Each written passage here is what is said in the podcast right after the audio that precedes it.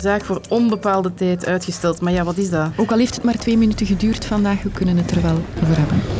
Ja, ja. Hoe zit het sinds de zaak Schild en Vrienden met haatspraak op het internet? De Noord-Koreaanse leider Kim Jong-un is in een gepantserde trein aangekomen in het uiterste oosten van Rusland voor een ontmoeting met de Russische president Poetin. Waar kunnen Poetin en Kim Jong-un elkaar een plezier mee doen? Mijn zoon kan niet schrijven. Als die zo een GoPass moeten invullen op de trein of zo, kun jij niet lezen? Als je GoPass niet meer kunt invullen, sorry. En moeten pen en papier een comeback maken op school? Noteren hoeft niet, luisteren volstaat. Dit is het kwartier met Sophie van der Donkt. Welkom. is al lang klaar Ja, dat is De belangstelling was enorm. De rechtszaal zat helemaal vol. Maar het proces tegen de extreemrechtse beweging Schild en Vrienden is toch niet gestart vanmorgen. Zoals voorspeld was, heeft de advocaat van de bekendste beklaagde, Dries van Langenhoven, een procedure-incident ingeroepen.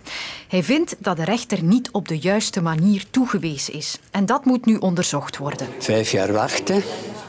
En na twee minuten wordt de zaak afgeblazen. Ik vind dat uh, triest. Ontgoocheling dus bij de burgerlijke partijen. Want het is al vijf jaar geleden dat mijn collega's van Pano onderzoek gedaan hebben naar Schild en Vrienden en ons zo een inkijk gaven in hun geheime chatberichten. Iemand zegt, als je aan het barbecuen bent en de houtskool loopt weg en vervolgens een foto van iemand met een geweer die een zwart kindje achtervolgt. Of als je een zwarte baby tegen je oor houdt, kan je de politie-sirenes horen. De rechtbank zal moeten oordelen of die berichten racistisch, anti-joods of seksistisch waren. Maar nu de rechter dus meteen ter discussie staat, weten we nog niet wanneer het proces echt zal kunnen starten. Voor mij geeft het wel wat ruimte om het over het thema zelf van die rechtszaak te hebben: haatspraak op het internet. Want wees maar zeker dat dat wijd verspreid is. Bij de Universiteit Antwerpen deed professor Catherine van de Heining onlangs een groot onderzoek naar haatspraak bij jongeren in België. Ja, we zijn er absoluut wel van geschrokken, omdat je toch wel heel veel jongeren ziet die zeggen, ja, ik heb eigenlijk al wel berichten verstuurd, waar ik zelf van zeg, van, die zijn eigenlijk best wel hatelijk. Dus bericht waar dat ze zelf van zeggen, dit is volgens mij haatspraak. En daar is toch wel een zeer grote groep die dat zegt. Een tweede element is ook dat we zien dat bepaalde groepen echt wel vaak het midpunt zijn. Het komt zeer duidelijk voort uit het onderzoek dat bijvoorbeeld jongeren die een andere seksuele oriëntatie hebben, maar ook absoluut jongeren van een andere etnische origine, absoluut vaker het slachtoffer worden van die haatspraak. Ja, en dat doet natuurlijk absoluut iets met jou. Dus ook voor de maatschappij en voor het welzijn van onze jongeren is daar toch ook wel een grondig debat over nodig. Hoe dat we dit gaan aanpakken en hoe dat we ook onze minderheden goed gaan beschermen online. En hoe we ons zelf kunnen wapenen, daar houdt Bert Pieters van Mediawijs zich mee bezig. Wij laten mensen kritisch bewust en creatief omgaan met media. Eerst en vooral, wat mag er nu en wat niet?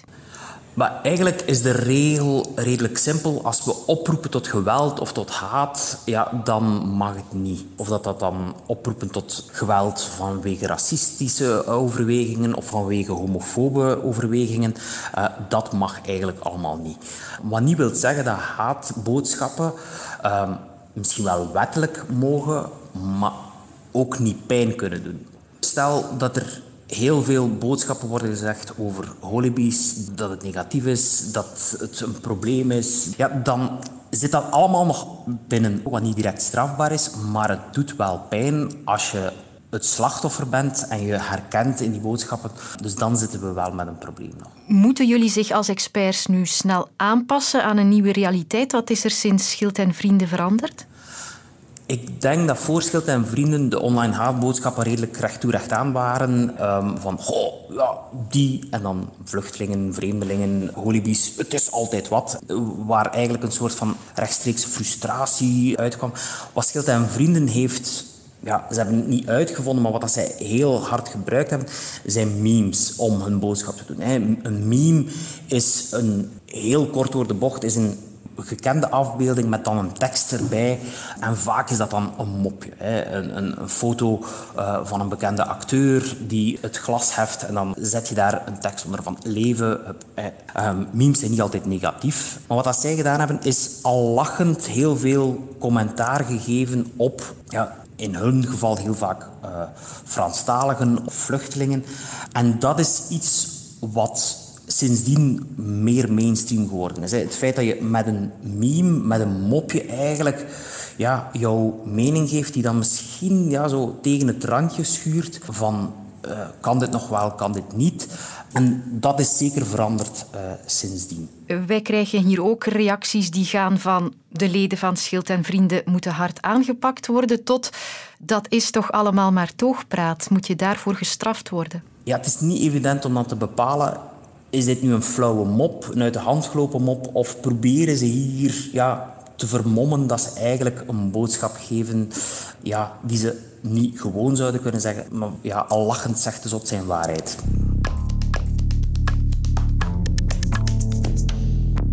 Als ik op Google Maps de route opvraag van Pyongyang, dus de hoofdstad van Noord-Korea, naar Vladivostok in Rusland.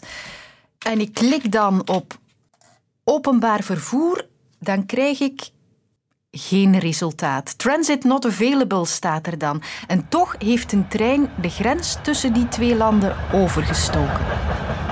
Een trein met groene gepantserde wagons, getrokken door grijs-rode locomotieven van de Russische spoorwegen.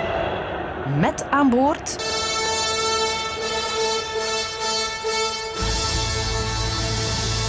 Kim Jong-un, de leider van Noord-Korea. Kim Jong-un wordt niet vaak gespot buiten de grenzen van zijn eigen land. De laatste keer is alweer vier jaar geleden. Maar nu maakt hij dus toch een buitenlandse trip om de Russische president Poetin te ontmoeten. Een uitstap die gehuld is in veel geheimzinnigheid. Maar ik vond iemand die mij toch even mee kan nemen achter de geblindeerde ruiten van de trein. Goedemiddag. En dat is Noord-Korea-kenner Casper van der Veen. Ja, de discretie is van het hoogste belang wanneer de grote leider op uh, reis gaat. Heel veel beveiliging. Uh, de joggende beveiligers kennen mensen misschien nog wel. En uh, ja, vaak zijn tops ook niet van tevoren precies bekend wanneer die plaatsvinden. Het is zeker een bijzondere trein. Het is ook helemaal niet bekend hoe die er precies van binnenuit ziet. Er zijn wel een paar beelden van Noord-Koreaanse hoogwaardigheidsbekleders die in uh, oude, makkelijke zitstoelen zitten. Hij is uh, gepantserd, dus uh, door die pantsers reist hij met een tempo van zo'n 45, 50 km per uur. Dus heel snel gaat hij niet. Er zouden auto's mee moeten kunnen reizen, goede maaltijden worden geserveerd. En uh, ja, deze afstand van een paar honderd kilometer kost Kim toch een hele tijd. Maar dat is niets vergeleken met de top in 2019 in Vietnam toen hij 2,5 dag onderweg was met de trein om uh, in Hanoi te komen. Een hele onderneming dus, maar waarom? Wat hebben Kim Jong-un en Vladimir Poetin elkaar te bieden? Veel analisten denken dat er vooral over wapens gesproken wordt.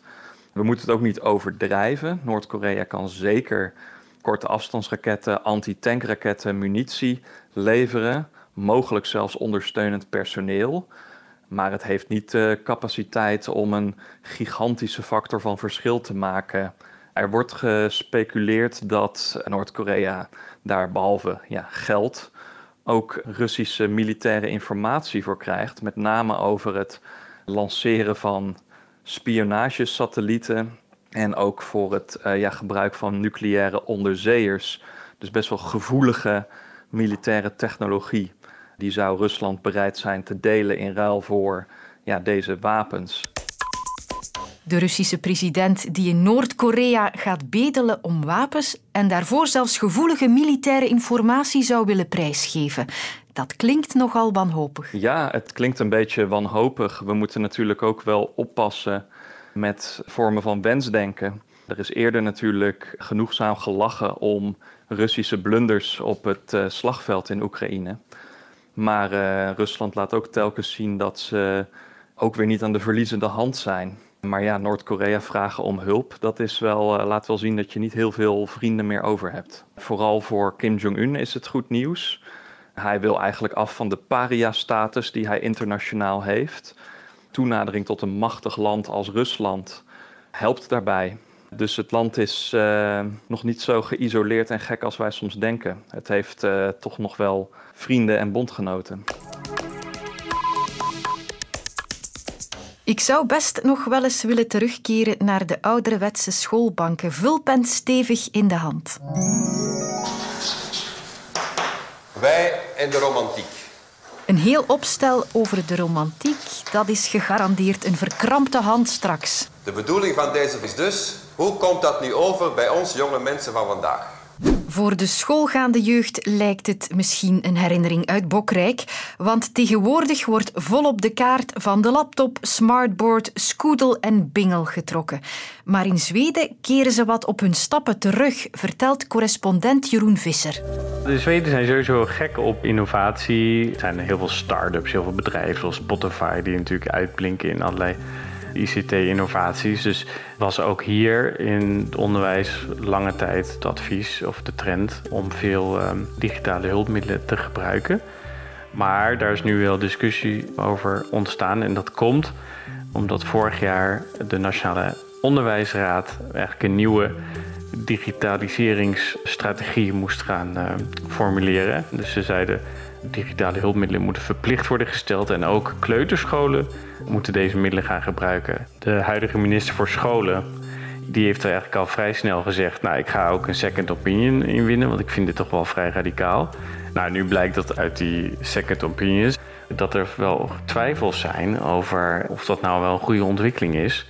En het is ook nog zo dat de leesvaardigheid in Zweden tussen 2016 en 2021 achteruit is gegaan. Dus er zijn eigenlijk uh, een aantal signalen nu waardoor de regering zegt: laten we eens even hiermee stoppen en goed kijken wat wel en niet werkt. Is dat een goed idee van de Zweden? Ik heb gebeld naar Wouter Duik. Maar u mag dus professor cognitieve psychologie zeggen. En als u dan uh, zegt, uh, ja, de NVAO die toeziet op de onderwijskwaliteit, dan uh, komt dat goed. Digitale leerplatformen bieden veel mogelijkheden. Of zijn ze te mooi om waar te zijn? Je kan op zo'n platform er inderdaad voor zorgen dat zowel de voorbeelden of de instructie of de toetsen aangepast zijn aan het niveau van, van leerlingen. Met klassieke papieren handboeken kan je dat niet. En dus dat is net waar ook de toegevoegde waarde kan zitten, om op maat van de leerling te gaan werken. Dus wat mij betreft hebben educatieve platformen daar wel degelijk een toegevoegde waarde. Dus dat zou ik eigenlijk niet snel verbieden. Hè. En er zijn natuurlijk ook andere voorbeelden. Hè. Als zo'n uitgever een handboek op de markt brengt, die dingen moeten in een drukkerij passeren en die boeken die moeten over heel het land verspreid worden. Wel, digitale content laat ook wel toe dat leermateriaal kan geactualiseerd worden. Hè. Zelfs de dag voor de les. Ben ik nu te nostalgisch of is met een pen schrijven echt belangrijk?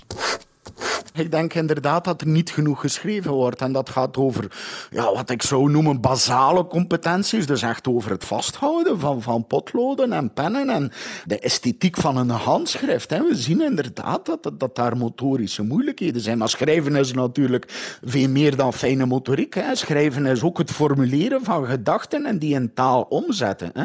Er waren voorbeelden het vorig jaar hè, van een schooldirectrice die geteld had. Ik geloof dat dat in het vijfde leerjaar was. Hè en er was een bepaald uh, handboek.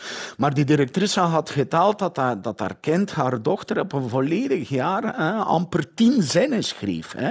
Dat is uiteraard dramatisch. Goed, jullie nemen allemaal een officieel blad papier, naam, klas, datum. En als opgave schrijf je dicté.